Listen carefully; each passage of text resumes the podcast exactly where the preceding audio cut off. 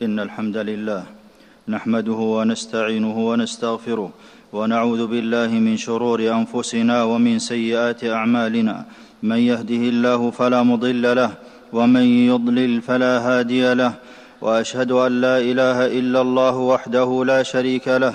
وأشهد أن نبينا محمدا عبده ورسوله صلى الله عليه وعلى آله وأصحابه وسلم تسليما كثيرا. أما بعد فاتقوا الله عباد الله حق التقوى. فمن اتقى ربه ارتقى درجات وطاب مآله بعد الممات. أيها المسلمون امتن الله على عباده بدين جمع المحاسن كلها وبه صلاح الخلق وسعادتهم وتكرم عليهم بكتاب فيه النور والهدى والشفاء واختار سبحانه أفضل الخلق رسولا بهذا الدين إلى خير الأمم. لم يدع باب خير إلا دلنا عليه ولا باب شر إلا حذرنا منه مع كمال نصحه ورحمته. في دين الإسلام أقوم الآداب وأزكاها وهو شامل لأمور الدنيا والدين. فيكمل المسلم في دينه وسلوكه وعبادته وخلقه ويجتمع له حسن صلته بربه وخلقه. ومن شعائر هذا الدين وآدابه تحية السلام بذكر اسمه تعالى السلام وطلب السلامة منه مع العهد بالأمان ألا ينال المسلم عليه شر أو أذى من المسلم. قال عليه الصلاة والسلام إن الله إن السلام اسم من أسماء الله وضعه الله في الأرض فأفشوه بينكم. رواه البخاري في الأدب المفرد. ولعلو منزلة السلام حي الله به من علا مقامه في الدين. قال أبو هريرة رضي الله عنه أتى جبريل النبي صلى الله عليه وسلم فقال يا رسول الله هذه خديجة أتتك بإناء فيه طعام أو إناء فيه شراب فأقرئها من ربها السلام وبشرها ببيت من قصب لا صخب فيه ولا نصب. رواه البخاري. ومن خير نعيم الجنة سلام الله على أهلها. قال سبحانه سلام قولا من رب رحيم. قال البغوي رحمه الله أي يسلم الله عليهم قولا. ويتجدد لهم ذلك كلما يلقونه تعالى. قال عز وجل تحيتهم يوم يلقونه سلام. والملائكة تحيي في الدنيا بتحية الإسلام من شاء الله من خلقه. فألقى جبريل السلام على من قامت بحق رسول الإسلام عليه الصلاة والسلام. قال النبي صلى الله عليه وسلم لعائشة رضي الله عنها إن جبريل يقرأ عليك السلام. قالت فقلت وعليه السلام ورحمة الله. رواه مسلم. وإذا فتحت أبواب الجنة للمؤمنين فأول كلام يسمعونه إلقاء الملائكة تحية السلام لهم. قال سبحانه حتى إذا جاءوها وفتحت أبوابها وقال لهم خزنتها سلام عليكم طبتم فادخلوها خالدين. وإذا دخلوا الجنة تفد عليهم الملائكة من كل أبواب الجنة مسلمين مهنئين. قال تعالى والملائكة يدخلون عليهم من كل باب. سلام عليكم بما صبرتم فنعم عقبى الدار. ولشرف السلام وعظيم قدره ارتضاه الله لآدم وذريته. لما خلق الله آدم قال له اذهب فسلم على أولئك نفر من الملائكة جلوس فاستمع ما يحيونك فإنها تحيتك وتحية ذريتك. فقال السلام عليكم فقالوا السلام السلام عليك ورحمة الله فزادوه ورحمة الله. متفق عليه. وهو تحية الأنبياء عليهم السلام. لقي موسى الخضر فسلم عليه موسى فقال له الخضر أنى بأرضك السلام أي لا يوجد في أرضي من يلقي السلام. قال أنا موسى. متفق عليه. وهو شعار المسلمين خاصة. قال عليه الصلاة والسلام ما حسدتكم اليهود على شيء ما حسدتكم على السلام والتأمين. رواه ابن ماجه. قال النووي, قال النووي رحمه الله في إفشاء السلام إظهار شعار المسلم المسلمين المميز لهم عن غيرهم من أهل الملل ولا يتأهل لهذا الأدب غيرهم. قال صلى الله عليه وسلم لا تبدأ اليهود والنصارى بالسلام رواه مسلم وإذا سلم عليكم أهل الكتاب فقولوا وعليكم متفق عليه. وفي الجنة لا يفارقهم وبه يأنسون وبسماعه يتلذذون. قال تعالى لا يسمعون فيها لغوا ولا تأثيما إلا قيلا سلاما سلاما. وبه يحيي أهل الجنة بعضهم بعضا. قال عز وجل خالدين فيها بإذن ربهم تحيتهم فيها سلام. في السلام حلول الخير والبركة. قال تعالى فسلموا على أنفسكم تحية من عند الله مباركة طيبة. ومن بركاتها أن أهلها قريبون من الله. قال عليه الصلاة والسلام إن أولى الناس بالله من بدأهم بالسلام. رواه أبو داود. مكانة السلام في الإسلام عظيمة. فأول ما تكلم به النبي صلى الله عليه وسلم حين قدم المدينة الأمر بإفشاء السلام. قال عبد الله بن سلام لما قدم رسول الله صلى الله عليه وسلم المدينة كان أول شيء تكلم به أن قال أيها الناس أفشوا السلام وأطعموا الطعام وصلوا الأرحام وصلوا بالليل والناس نيام. تدخل الجنة بسلام رواه الترمذي. وبه أمر النبي صلى الله عليه وسلم أصحابه وأمته. قال البراء بن عازب رضي الله عنه أمرنا رسول الله صلى الله عليه وسلم بسبع وذكر منها وإفشاء السلام. متفق عليه. قال النووي رحمه الله إفشاء السلام إشاعته وإكثاره وأن يبذله لكل مسلم. السلام من خير خصال الإسلام ومن أفضل, ومن أفضل شعبه. سأل رجل النبي صلى الله عليه وسلم أي الإسلام خير؟ قال تطعم الطعام وتقرأ السلام على من عرفت ومن لم تعرف. متفق عليه. قال الخطابي رحمه الله جعل خير الأقوال في البد في البر والإكرام إفشاء السلام الذي يعم ولا يخص حتى يكون خالصا لله تعالى بريئا منه حظا حظ النفس والتصنع. لأنه شعار الإسلام فحق كل مسلم فيه شائع. السلام يزيد إيمان صاحبه. قال عمار بن ياسر رضي الله عنه ثلاث من جمعهن فقد جمع الإيمان الإنصاف من نفسك وبذل السلام للعالم والإنفاق من الإقتار. ومن الواجبات السلام على نبينا محمد صلى الله عليه وسلم محبة له وإكراما. قال عز وجل إن الله وملائكته يصلون على النبي. يا أيها الذين آمنوا صلوا عليه وسلموا تسليما. والسلام على النبي صلى الله عليه وسلم في تشهد الصلاة ركن من أركانها. وابتداء السلام ورده من حق المسلم على المسلم. قال عليه الصلاة والسلام حق المسلم على المسلم ست ومنها إذا لقيته فسلم عليه رواه مسلم. وفي الصحيحين رد السلام. وكما أن السلام ينتفع به الأحياء شرع الدعاء به للأموات. كان النبي صلى الله عليه وسلم إذا أتى المقبرة قال السلام عليكم أهل الديار من المؤمنين والمسلمين. رواه مسلم. بالسلام غرس المحبه وتمكن ألفة المسلمين بعضهم لبعض.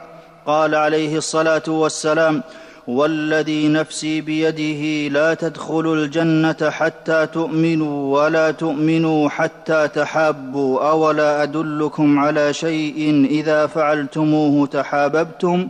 أفشوا السلام بينكم. رواه مسلم. قال عمر بن الخطاب رضي الله عنه ثلاث يصفين لك ود أخيك تسلم عليه إذا لقيته وتوسع له في المجلس وتدعوه بأحب أسمائه إليه.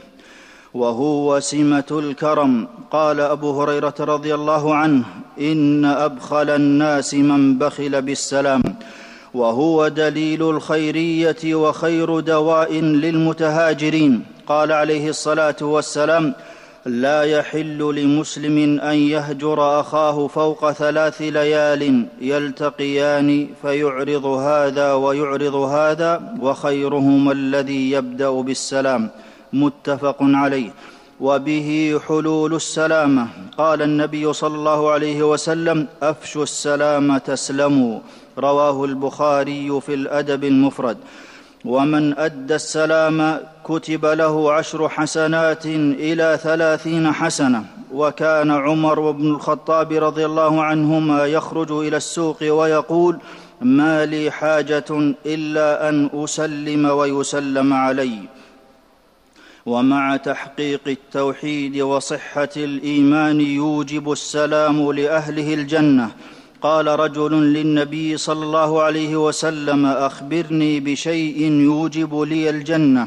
قال عليك بحسن الكلام وبذل السلام. رواه ابن حبان. بل ولهم درجات عالية في الجنة. قال عليه الصلاة والسلام إن في الجنة غرفا يرى ظهورها من بطونها وبطونها وبطونها من ظهورها. فقام أعرابي فقال لمن هي يا رسول الله؟ قال لمن قال طيب الكلام وأفشى السلام وأطعم الطعام وصلى بالليل والناس نيام. رواه ابن حبان. ولأهمية السلام وفضله وكثرة فوائده شرع لكل مسلم على كل حال. فمن دخل بيتا سلم على أهله. قال تعالى فإذا دخلتم بيوتا فسلموا على أنفسكم تحية من عند الله مباركة طيبة. ولا يدخل أحد بيت غيره إلا بعد, إلا بعد السلام والاستئذان. قال عز وجل يا أيها الذين آمنوا لا تدخلوا بيوتا غير بيوتكم حتى تستأنسوا وتسلموا على أهلها. ذلكم خير لكم لعلكم تذكرون. ومن طرق باب غيره للاستئذان يبدأ أولا بالسلام ثم يليه الكلام. جاء رجل إلى النبي صلى الله عليه وسلم وهو في بيت فقال أألج؟ فقال رسول الله صلى الله عليه وسلم لخادمه أخرج إلى هذا فعلمه الاستئذان فقل له قل السلام عليكم أأدخل؟ فسمعه الرجل فقال السلام عليكم أأدخل؟ فأذن له النبي صلى الله عليه وسلم فدخل رواه أبو داود. ويشرع أيضا في المجالس عند دخولها والخروج منها. قال عليه الصلاة والسلام إذا انتهى أحدكم إلى المجلس فليسلم فإذا أراد أن يقوم فليسلم فليست الأولى بأحق من الآخرة. رواه أبو داود. وإذا خرج وعاد كرر سلامه ولو كان ذلك في المسجد كما في حديث المسيء صلاته. وهو من حق الطريق لمن جلس فيه. قال عليه الصلاة والسلام إياكم والجلوس في الطرقات. قالوا يا رسول الله ما لنا من مجالسنا بد نتحدث فيها. فقال رسول الله صلى الله عليه وسلم فإذا أبيتم إلا المجلس فأعطوا الطريق حقه. قالوا وما حق الطريق يا رسول الله؟ قال غض البصر وكف الأذى ورد السلام والأمر بالمعروف والنهي عن المنكر متفق عليه. وكما للكبار في السلام حق فكذلك الصغار لهم فيه حق. قال أنس رضي الله عنه كان عليه الصلاة والسلام يزور الأنصار فيسلم على صبيانهم. رواه النسائي. وسار على هذا النهج صحابة رسول الله صلى الله عليه وسلم. مر أنس رضي الله عنه على صبيان فسلم عليهم وقال كان النبي صلى الله عليه وسلم يفعله. متفق عليه. ولأهمية السلام لم يجعل الله له وقتا خاصا به بل كلما رأى المسلم مسلما سلم عليه. قال عليه الصلاة والسلام من لقي أخاه فليسلم عليه. رواه البخاري في الأدب المفرد. ومن سمات السلام إشاعته والإكثار منه وبذله لكل مسلم دون اختصاصه بمن يعرف. وبعد أيها المسلمون فالإسلام دين الخير والسلام يدعو لصفاء القلوب ونشر الطمأنينة والسكينة في الأمة. ويرغب في الألفة والمحبة بين الخلق وكل ما يحقق ذلك فإن الإسلام يأمر به أمر إيجاب أو استحباب. ولا غنى للفرد والمجتمع عن سؤال الله درء الآفات والشرور ونزول الرحمة والبركة وكل ذلك يتحقق في ألفاظ السلام. أعوذ بالله من الشيطان الرجيم. وإذا حييتم بتحية فحيوا بأحسن منها أو ردوها إن الله كان على كل شيء حسيبا. بارك الله لي ولكم في القرآن العظيم ونفعني الله وإياكم بما فيه من الآيات والذكر الحكيم. أقول قولي هذا وأستغفر الله لي ولكم ولجميع المسلمين من كل ذنب فاستغفروه إنه هو الغفور الرحيم. الحمد لله على إحسانه والشكر له على توفيقه وامتنانه وأشهد أن لا إله إلا الله وحده لا شريك له تعظيما لشأنه وأشهد أن نبينا محمدا عبده ورسوله صلى الله عليه وعلى آله وأصحابه وسلم تسليما مزيدا. أيها المسلمون الابتداء بالسلام سنة مرغب فيها ورده واجب والزيادة في الرد مندوبة والمماثلة واجبة. ومن أدب السلام أن يسلم الصغير على الكبير والراكب على الماشي والماشي على القاعد والقليل على الكثير. فإن ترك الأول السنة استحب للآخر فعلها لا أن يبادره بها. ويشرع تكرار السلام عند الحاجة كجمع كثير أو ظنه عدم السماع. قال أنس رضي الله عنه كان النبي صلى الله عليه وسلم إذا سلم سلم ثلاثا رواه البخاري. ويستحب رفع الصوت بالسلام ابتداء وردا وهذا مقتضى الإفشاء. قال ابن عمر رضي الله عنهما إذا سلمت فأسمع وإذا رددت فأسمع. ويكون الإسماع دون أذية لأحد كنائم ونحوه. فقد كان من هديه عليه الصلاة والسلام يجيء من الليل فيسلم تسليما لا يوقظ نائما ويسمع اليقظان. رواه مسلم. ويستحب رد السلام على من أرسل السلام وعلى من بلغه. جاء جبريل عليه السلام إلى النبي صلى الله عليه وسلم وعنده خديجة رضي الله عنها فقال إن الله يقرئ خديجة السلام.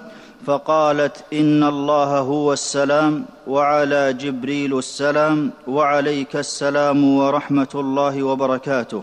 رواه النسائي. ولا يمنع من السلام ورده إلا خطبة الجمعة لوجوب الإنصات فيها وكذا حين قضاء الحاجة فإنه ليس موضع تحية وذكر. ثم اعلموا أن الله أمركم بالصلاة والسلام على نبيه. فقال في محكم التنزيل إن الله وملائكته يصلون على النبي. يا أيها الذين آمنوا صلوا عليه وسلموا تسليما. اللهم صل وسلم وبارك على نبينا محمد. وارض اللهم عن خلفائه الراشدين الذين قضوا بالحق وبه كانوا يعدلون. أبي بكر وعمر وعثمان وعلي وعن سائر الصحابة أجمعين. وعنا معهم بجودك وكرمك يا أكرم الأكرمين. اللهم اعز الإسلام والمسلمين وأذل الشرك والمشركين ودمر أعداء الدين واجعل اللهم هذا البلد آمنا مطمئنا رخاء وسائر بلاد المسلمين. ربنا آتنا في الدنيا حسنة وفي الآخرة حسنة وقنا عذاب النار. ربنا ظلمنا أنفسنا وإن لم تغفر لنا وترحمنا لنكونن من الخاسرين. اللهم أنت الله لا إله إلا أنت أنت الغني ونحن الفقراء. أنزل علينا الغيث ولا تجعلنا من القانطين. اللهم أغثنا اللهم أغثنا اللهم أغثنا. اللهم إنا نسألك التوفيق والسعادة في الدنيا والآخرة. اللهم وفق إمامنا لهداك واجعل عمله في رضاك. ووفق جميع ولاة أمور المسلمين للعمل بكتابك وتحكيم شرعك يا ذا الجلال والإكرام. عباد الله إن الله يأمر بالعدل والإحسان وإيتاء ذي القربى وينهى عن الفحشاء والمنكر والبغي يعظكم لعلكم تذكرون.